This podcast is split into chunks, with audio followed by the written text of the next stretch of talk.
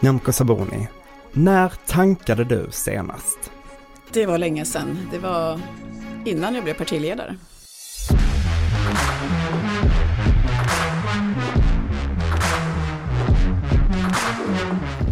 I Svenska Dagbladets Utfrågningen intervjuar Inger Arenander och Erik Nilsson partiledarna inför höstens val. Kommer Liberalernas Nyamko Sabuni ta hem en ukrainsk flykting? Vem ska bestämma om Sverige ska gå med i NATO, Finland eller SD? Och hur låga bränsleskatter tål klimatet? Du, eh, i höstas eh, så avstod ni liberaler eh, från att göra en gemensam budget med Moderaterna och Sverigedemokraterna och Kristdemokraterna. Och motiveringen då var att de ville sänka skatten på bränsle. Då tyckte ni att det skulle vara dåligt för klimatet att göra det. Men nu så vill ni tvärtom sänka priset ännu mer och med flera kronor. Hur kommer det att påverka klimatet? Vi tycker det är viktigt att eh, förorenaren betalar och vi tror också att det är viktigt i en omställning att eh, människor är med på den. Det vill säga det ska alltid finnas alternativ. Det är inte fullt ut alternativ ute på landsbygden idag till exempel.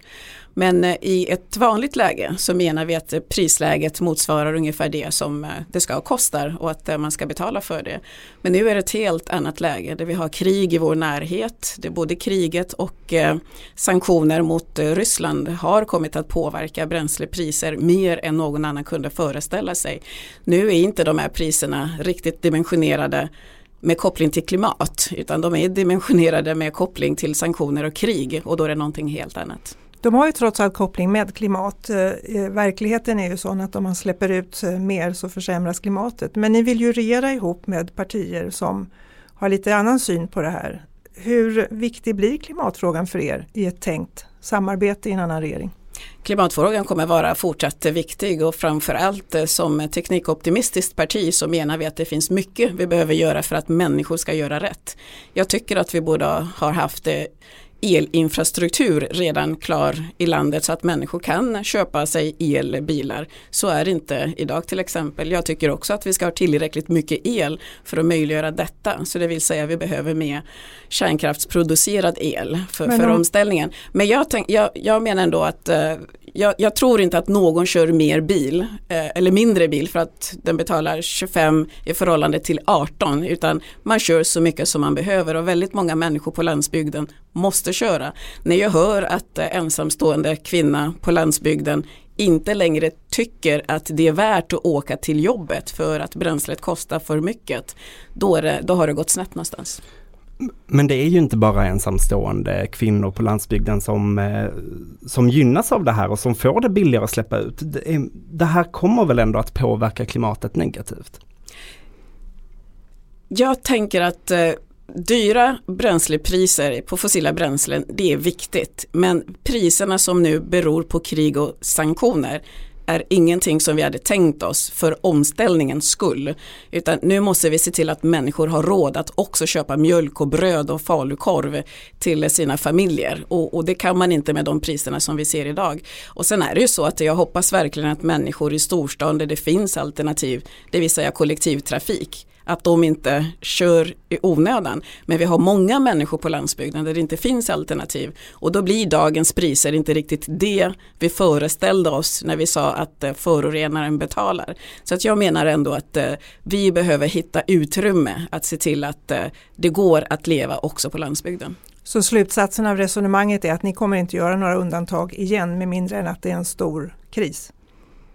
Nej, vi, ja, vi tror ju på principen förorenaren betalar, men, men det är ju på en marknad där, där, där, där, där priserna sätts på efterfrågan och tillgång och det vi inte räknar med krig och eh, sanktioner. Så det är exceptionellt läge idag för att eh, säga att de principerna man hade innan kriget måste gälla fullt ut för att med de principerna innan kriget så hade inte priserna sett ut som de gör idag. Men i ett samarbete så kommer den här frågan inte skava då på samma sätt som den gjorde när ni försökte göra en gemensam budget förut? Nej, jag tror att det är ett samarbete och vi tänker långsiktigt och maktskifte så finns det ju andra sätt att eh, se till att eh, människor har råd. Vi föreslog ju andra metoder.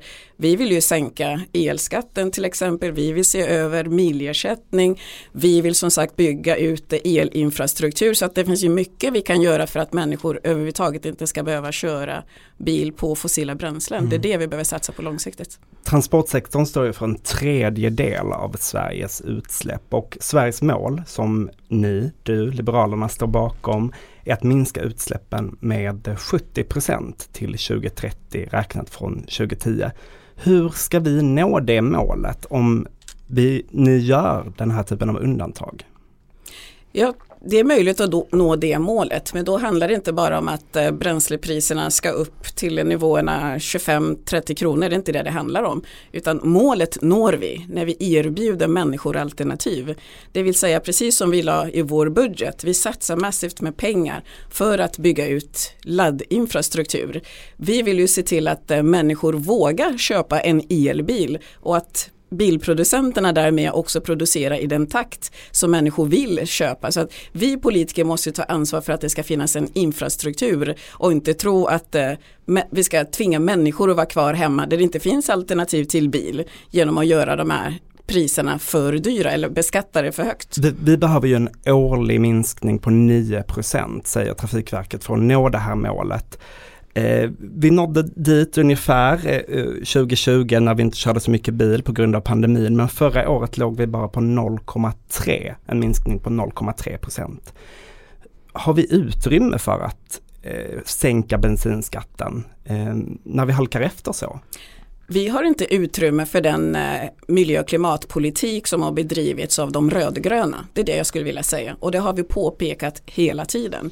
Man kan inte först göra det nästan omöjligt när det gäller elproduktion, pålitlig elförsörjning el, eh, till människorna. Man kan inte hoppa över att bygga ut en laddinfrastruktur och sen tycka att människorna ändå ska ta sig till och från jobbet, till skolan, till förskola, till träning genom att lägga hela sin lön på, på, på bränslen. Så kan man inte ha det. Så att jag Men... menar att det finns andra sätt att bedriva politiken på för att göra det lätt för människor att göra rätt. Och just nu så har den rödgröna politiken tillsammans med kriget och sanktionerna.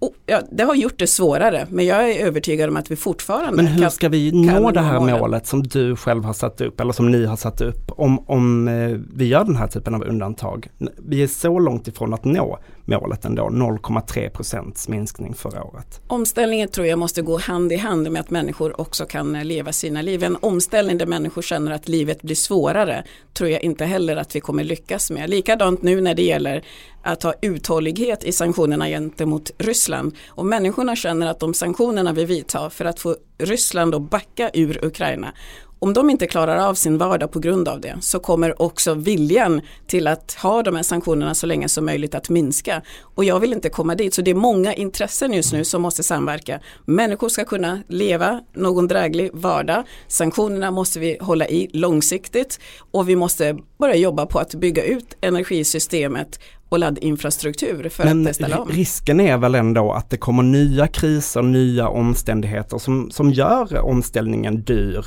för eh, eh, svenskar. Är det inte viktigt att ni i politiken som har satt upp de här målen faktiskt står pall så att klimatpolitiken inte alltid kommer i andra hand? Vi, vi är beredda att stå pall i vanliga omständigheter men krig och sanktioner i vår närhet är ingen vanlig omständighet och jag hoppas att eh, kriget ska vara över snart för då kan vi ju börja återgå till det normala. Men så länge kriget pågår så måste vi hitta andra sätt och se till att man både kan leva sin vardag vara uthållig med sanktionerna men också att bränslepriserna, självklart att de inte ska vara så billiga så att människor kör utan här är människor som behöver ta sig till jobbet och till skolan och till förskolan. I vanliga omständigheter då, tänker du dig att om du ska samregera på något sätt med Moderaterna, Kristdemokraterna och Sverigedemokraterna så är den här frågan problemfri? Eller måste du slåss för det här? Jag, jag tänker att det är i en vanlig tid så har vi absolut alternativ. Den budget som lades fram i höstas och som vi sa nej till det var bara brist på tid. Och nu så har vi också sett när människor känner att de inte har råd riktigt med både mat och bränsle så är det inte de kan inte vänta ett år på de åtgärder vi har föreslagit så krävs det ju en omställning i politiken för att de ska kunna börja känna att de bistås av den politik vi bedriver. Utan nu är det akut. Nu skriker människor att redan när de tankar idag så måste de känna att de kan betala 18 istället för 25 kronor. Och då måste man hantera det på ett annat sätt. Regeringen väljer att betala ut bidrag för att klara av att betala skatten. Vi säger sänk skatten istället på, på bränslena som nu har kommit att få prishöjningar som vi inte hade kunnat föreställa oss om det inte hade blivit krig.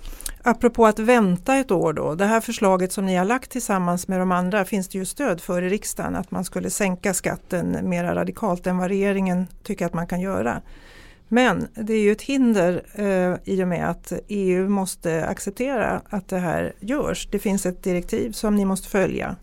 Hur tror du att du ska övertyga dem om det är bråttom? Jag tror inte att eh, Sverige och svenskarna är det enda folket i EU just nu som känner av de här bränslepriserna och att eh, vardagen blir mycket, mycket svårare än man kunnat eh, föreställa sig. Och kommissionen lägger ju nu fram, lyfter frågan och vill lägga fram förslag på att just se över det här direktivet. Jag menar att om Sverige vill, om regeringen vill, om Magdalena Andersson vill så kommer hon kunna få stöd för det här i Europa för vi är inte ensamma om att önska att eh, bränslepriserna ska vara rimliga så att eh, människor också på landsbygden kan klara av sin vardag. Vad bygger du det på? För att många önskar behöver ju inte betyda att det inträffar. Därför att det är EUs stater som bestämmer hur de vill ha det och kommission, om kommissionen lägger fram detta förslag och ministerrådet beslutar så så blir det ju också så och EU finns ju ändå till för folket och ingenting annat. Men om kommissionen lägger fram detta förslag, det har de väl inte gjort va?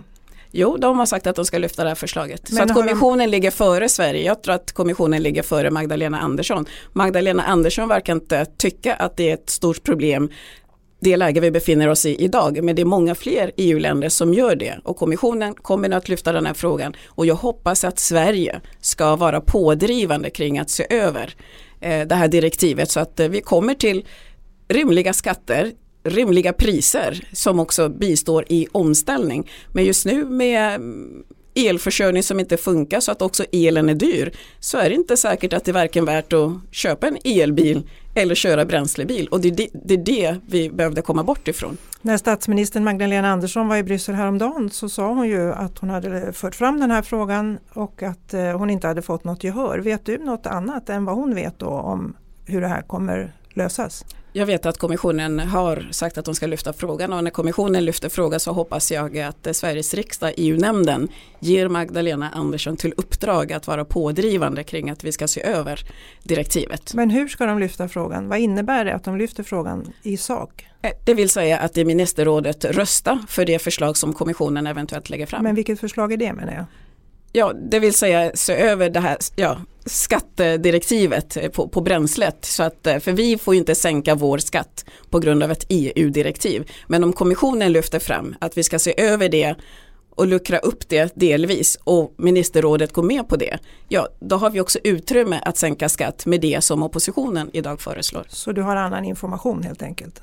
Jag tror inte det är någon hemlig information att kommissionen har sagt att de ska lyfta frågan utan det, det är öppen information. Har du inga asylskäl, kom inte till Sverige. Om du kommer till Sverige så kommer vi, då kommer du också få lämna Sverige på en gång. Skulle du kunna tänka dig att ta emot ukrainska flyktingar i ditt hem? Absolut. Har du gjort något eh, sådant? Nej, det har jag inte. Eh, men, men eh, jag skulle kunna tänka mig det. Eh, just nu tycker jag det är mest eh, förvirrande att vi inte har regler och lagstiftning på plats så man vet när man tar emot människor i sitt hem vad som gäller.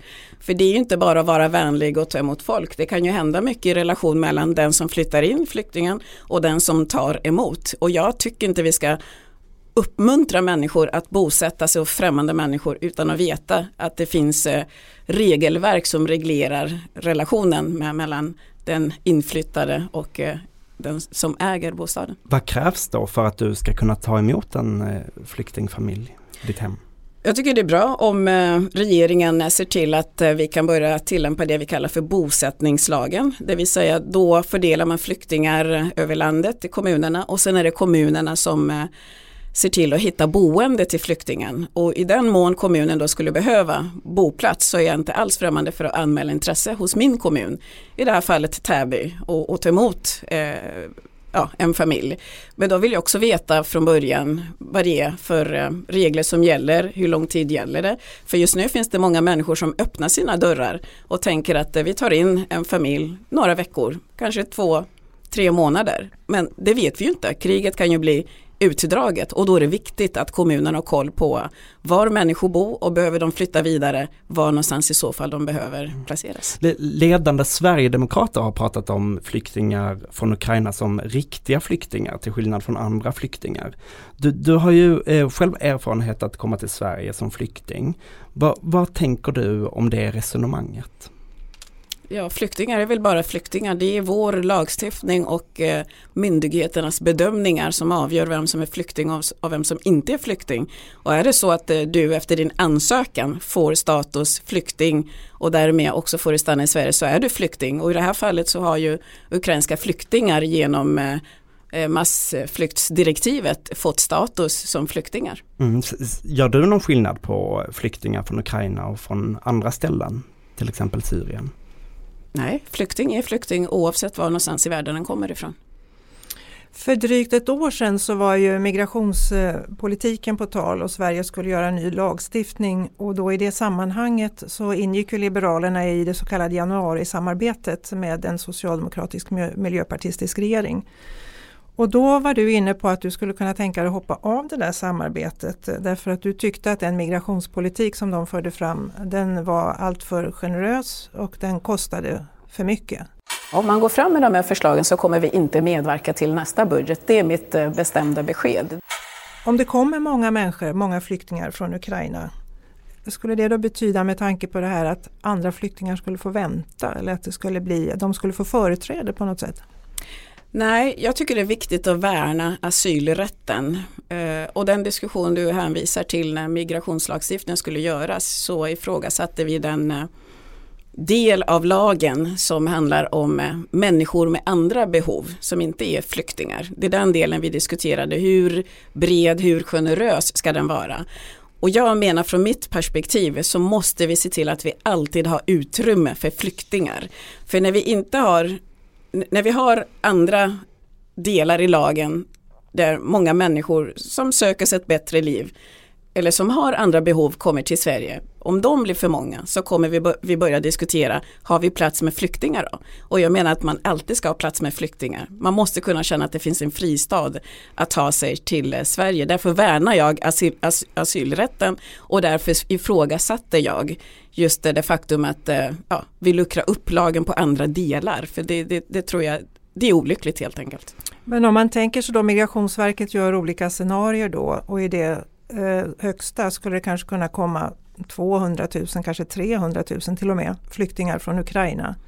Vilken betydelse får det då för andra flyktingar från andra länder om någon? Som söker sig till Sverige då förstås? Ja, men asylrätten är ju sådan, den som kommer till Sverige har ju rätt att söka asyl och få sin sak prövad och därför handlar det om att ha bra asyllag som inte får de här pooleffekter som det brukar kallas som särskiljer Sverige för mycket från andra EU-länder. Vi talar ju hela tiden om att EU ska ta ett delat ansvar. Ja, men då, då måste ju också lagstiftning i EU harmoniseras på ett bättre sätt än vi har sett idag. Men den som tar sig till Sverige, den ska få sin sak prövad. Och när det gäller ukrainska flyktingar så har EU sagt att eh, alla ukrainare som flyr är välkomna till EU. Många kommer bli kvar i närområdet, Polen framförallt. Den som tar sig till Sverige ska välkomnas som flykting.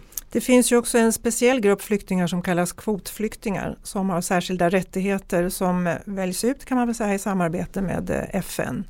Och i diskussionen nu så finns det de partier som tycker att kanske att de 5000 som Sverige har lovat en fristad här, att de, det antalet skulle minskas eller att de får vänta. Vad tycker du där?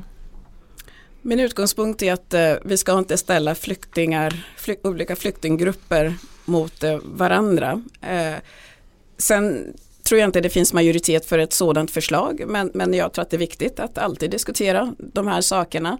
Eh, men vår utgångspunkt är att eh, vi ska kunna hitta en balans mellan mm, såväl att ta emot de ukrainska flyktingar som är på väg hit men också att eh, vi ska kunna bibehålla eh, kvotflyktingskap så som Sverige har bestämt. Mm. Eh, flyktingarna från Ukraina omfattas ju av, som du sa, EUs massflyktsdirektiv som eh, gör att de kan stanna i max eh, tre år. Hur länge tror du att de stannar? Min känsla och den, det som man hör från ukrainarna själva det är att fler längtar tillbaka till Ukraina. De vill ju bara att kriget ska upphöra så de kan återvända. Och eh, jag hade ju äran att få lyssna till eh, president Zelensky i riksdagen här förra veckan som redan nu vill ge hopp till sitt folk och säga att det kommer snart att bli fred och då behöver vi återuppbygga Ukraina och vi vill gärna se Sverige som en partner i att återuppbygga Ukraina. Så att skulle kriget upphöra så är jag övertygad om att många vill återvända. Men om kriget drar ut på tiden, ja då kommer de få vara kvar i Sverige. Och det är därför som mottagandet blir så oerhört viktigt. Vi måste se till att göra rätt nu så att så många som möjligt av de som kommer kan komma in i arbete, barn kan fortsätta sin utbildning och barn kan gå i förskolan. Och gör vi fel, om inte vi gör som Ribenvik, generaldirektör för eh, Migrationsverket nu kräver och det som Liberalerna har lagt som förslag i riksdagen, då kommer vi få många människor vars etablering kommer att försvåras samtidigt som vi inte vet om de behöver befinna sig här många år framåt eller om de kan återvända. Så vi har ju människor som har med sig utbildning i bagaget, är vana att arbeta, vill gärna arbeta och bidra här i Sverige. Låt oss ge dem den chansen. Vi, pratade om upp till 300 000 flyktingar bara i år pratas det om. Kan Sverige ta emot så många? Det är många hypotetiska frågor och jag tycker inte vi behöver skrämmas om hur många exakt. Jag tycker det viktigaste är att vi har ett mottagningssystem, att vi, vi, vi säkrar ett mottagningssystem som underlättar både för Sverige men också för den enskilde flyktingen. Och därför så är min uppmaning till regeringen återigen, se till att ukrainska flyktingar som redan har uppehållstillstånd som status, att de behandlas enligt bosättningslagen. För då fördelar man dem över kommunerna. Kommunerna kan börja se till att de får bostäder, se till att barnen har skola och de kan börja ägna sin tid åt att söka arbete och arbeta. Mm. Det är det vi behöver göra. Vilka krav behöver ni ställa på ukrainska flyktingar? Ja, inga andra krav än krav som man ställer på alla som bor i Sverige, det vill säga den som kan arbeta ska arbeta. Lära sig svenska, Absolut. Men ja, det tänker jag, krav och krav. Vi vill ju att de ska kunna gå just eh, SFI, svenska för invandrare. Vi vill att de ska kunna söka jobb. Många av dem pratar engelska. En del kan ju säkert lära sig svenska också på jobbet genom att de börjar kommunicera först på, på engelska. Men vi ser ju också att för att barnens skolgång inte ska försenas i onödan, låt oss säga att det man hoppas på, att eh, kriget ska upphöra snart och man kan återvända, så har vi ju föreslagit att låt barnen fortsätta läsa enligt den ukrainska läroplanen med ukrainska lärare och så komplettera kompletterar man med svenskan. Oavsett hur det går i kriget, har man klarat av den ukrainska grundskolan här i Sverige och man läser också svenska parallellt med det så kommer man att klara sig framåt. Så istället för att göra det svårt för de här barnen att de ska ta till sig svenskan, sen ska de kunna klara sina betyg på högstadiet. Det är bara dumt både för eleverna och eh, för Sverige. Ser du några fördelar för Sveriges del med att det kommer så många flyktingar?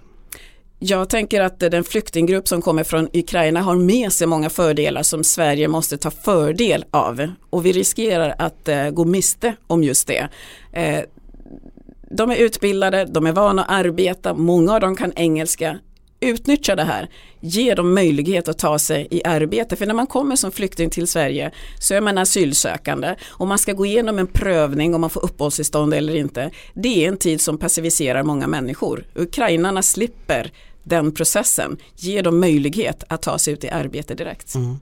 En konsekvens av detta är att Sverige tydligt måste visa att vi hör hemma i försvarsalliansen NATO. Du vill att Sverige går med i NATO. Eh, du ler. Har, har NATO gjort tillräckligt för Ukraina tycker du? NATO eller så här, det Ukraina hade behövt det är ju mankraft, alltså militär från NATO-länder i Ukraina för att trycka tillbaka Ryssland. Men det kan inte NATO ställa upp med därför att Ukraina är inte NATO-medlem. Oavsett hur nära samarbete man har med NATO så är ju NATO till att försvara sitt territorium, inte någon, annan, någon annanstans. Vad som hade behövts det är ju FN-mandat att bistå Ukraina. Det mandatet får vi inte därför att Ryssland sitter i säkerhetsrådet och blockerar det.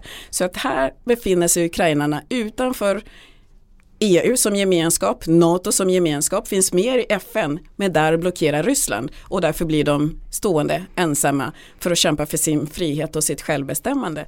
Men den kamp som förs i Ukraina ska alla komma ihåg. Det är en kamp för de värden som Europa, EU värdesätter och därför är det viktigt att vi hjälper dem med det vi kan. Det vill säga vapen, pengar, materiel av olika slag när det gäller sjukvård och annat och inte minst att ta emot de flyktingar som kommer. Det är ju sant som du säger att de inte är medlemmar av NATO och omfattas inte då av att man ska hjälpa varann. Men eh, vad hade hindrat eh, NATO att hjälpa mer? Det finns ju inget som hindrar dem från att eh, hjälpa till på ett annat sätt som du sa att de skulle kunna så att säga. Hade, de, hade de kunnat göra mera sånt med tanke på vad som har hänt i Ukraina, vad som händer i Ukraina?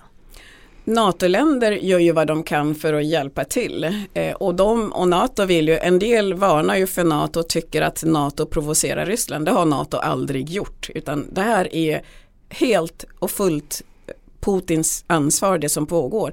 NATO gör vad de kan, NATO-länderna gör vad de kan. Vi får inte glömma att NATO är en sammanslutning av enskilda stater. Så det är inte en organisation med egna vapen och så vidare utan det är enskilda länder och NATO-länder gör ju idag allt de kan för att bistå Ukraina. Polen har ju till exempel flygvapen som de vill få in i Ukraina så man behöver ju också hitta möjligheter att bistå dem på det sättet. Vi själva har ju förordat att man ska bistå Ukraina med, med, med luftvärnsvapen. Eh, ja, men den teknik vi har, det är inte den som ukrainarna har lärt sig att använda sig av. Så att eh, man måste ju se till att eh, det är de vapen som Ukraina kan hantera som också kommer till Ukraina. Så i historiens ljus så att säga så kommer det här vara att NATO, vi gjorde vad vi kunde, vi kunde inte göra mer?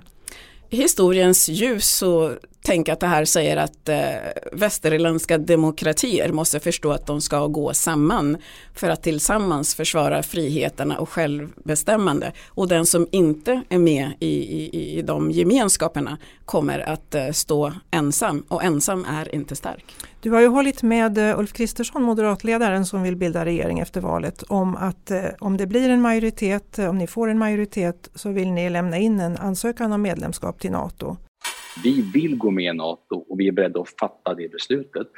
Vi gör det helst tillsammans med andra, men i längden kan inte en minoritet ha vetorätt mot en majoritet i en sån viktig fråga. Hur bra är det att agera på det sättet och ha en sån svag majoritet i en sån grundläggande fråga tycker du?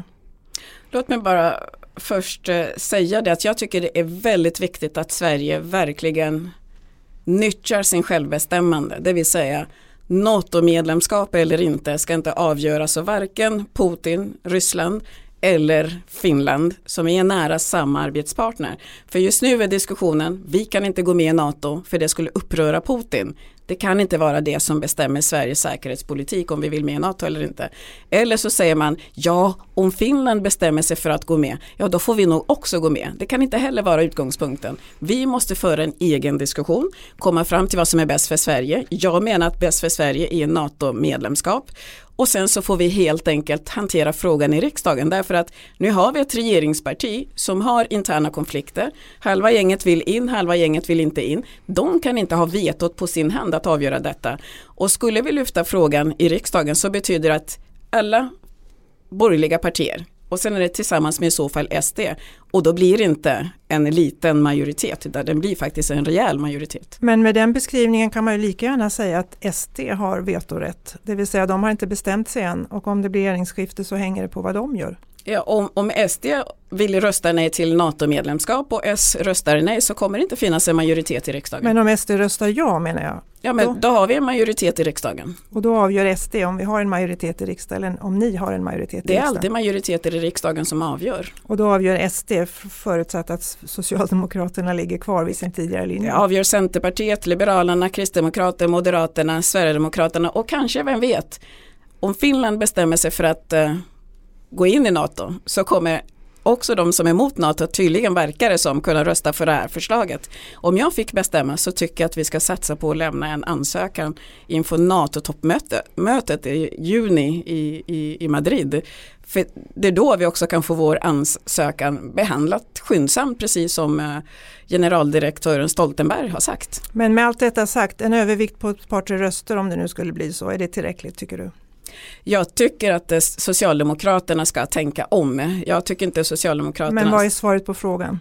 Svaret på frågan är att jag gärna jag helst vill att det ska vara en eh, blocköverskridande överenskommelse. Men jag kommer heller inte tillåta att ett parti som har väldigt mycket olika uppfattningar i denna fråga inom sig ska vara avgörande för en i så fall majoritet om nu Sverigedemokraterna skulle an, ja, säga att deras mandat går till att rösta ja till NATO. Och vad som händer i Finland och vad de kommer fram till, det spelar ingen roll för dig? Jag tycker Finland är bra och nära samarbetspart till oss som ska hållas informerad. Precis som Finland inte kommer låta sig påverkas av vad Sverige gör utan bestämmer de sig för att gå in i NATO så gör de det. Och vill de inte gå in i NATO så kommer de inte bry sig om vad Sverige gör. På samma sätt ska vi se på vårt självbestämmande. Vi ska hålla varandra informerade. Gör vi gemensam sak så är det jättebra. Men det kan inte vara att den enes handling ska avgöra vad den andra gör. Vi måste fatta självständiga beslut. Så om Sverige skulle gå med och Finland inte går med, vad skulle det innebära för Finland tror du? Det kan bara Finland svara på. Och det är inte också Sveriges angelägenhet? Ja, men det kan bara Finland svara på. Om Sverige kommer fram till att vår säkerhet bäst skyddas genom ett NATO-medlemskap, då kan vi inte säga till svenskarna, visserligen är NATO det bästa för er, men eftersom finnarna inte vill in i NATO så låter vi bli. Det är inget budskap jag vill ge till svenska folket. Men jag är övertygad om att också finnarna ser vikten av att eh, gå med i NATO. Det är ju det som alla spekulerar i. Det är frågan om när, in, inte om de ska in i NATO. Hos oss är vi ju fortfarande på om vi ska in i NATO. Och det tycker jag är olyckligt, speciellt som det finns en majoritet i riksdagen för att vi ska hålla öppet för ett NATO-medlemskap. Ska vi säga så? Tack så mycket. Tack.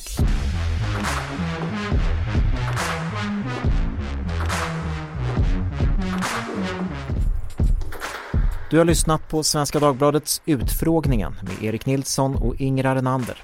Producent var Martina Pierrot, exekutiv producent Erik Hedtjärn. Ansvarig utgivare är Anna Kareborg.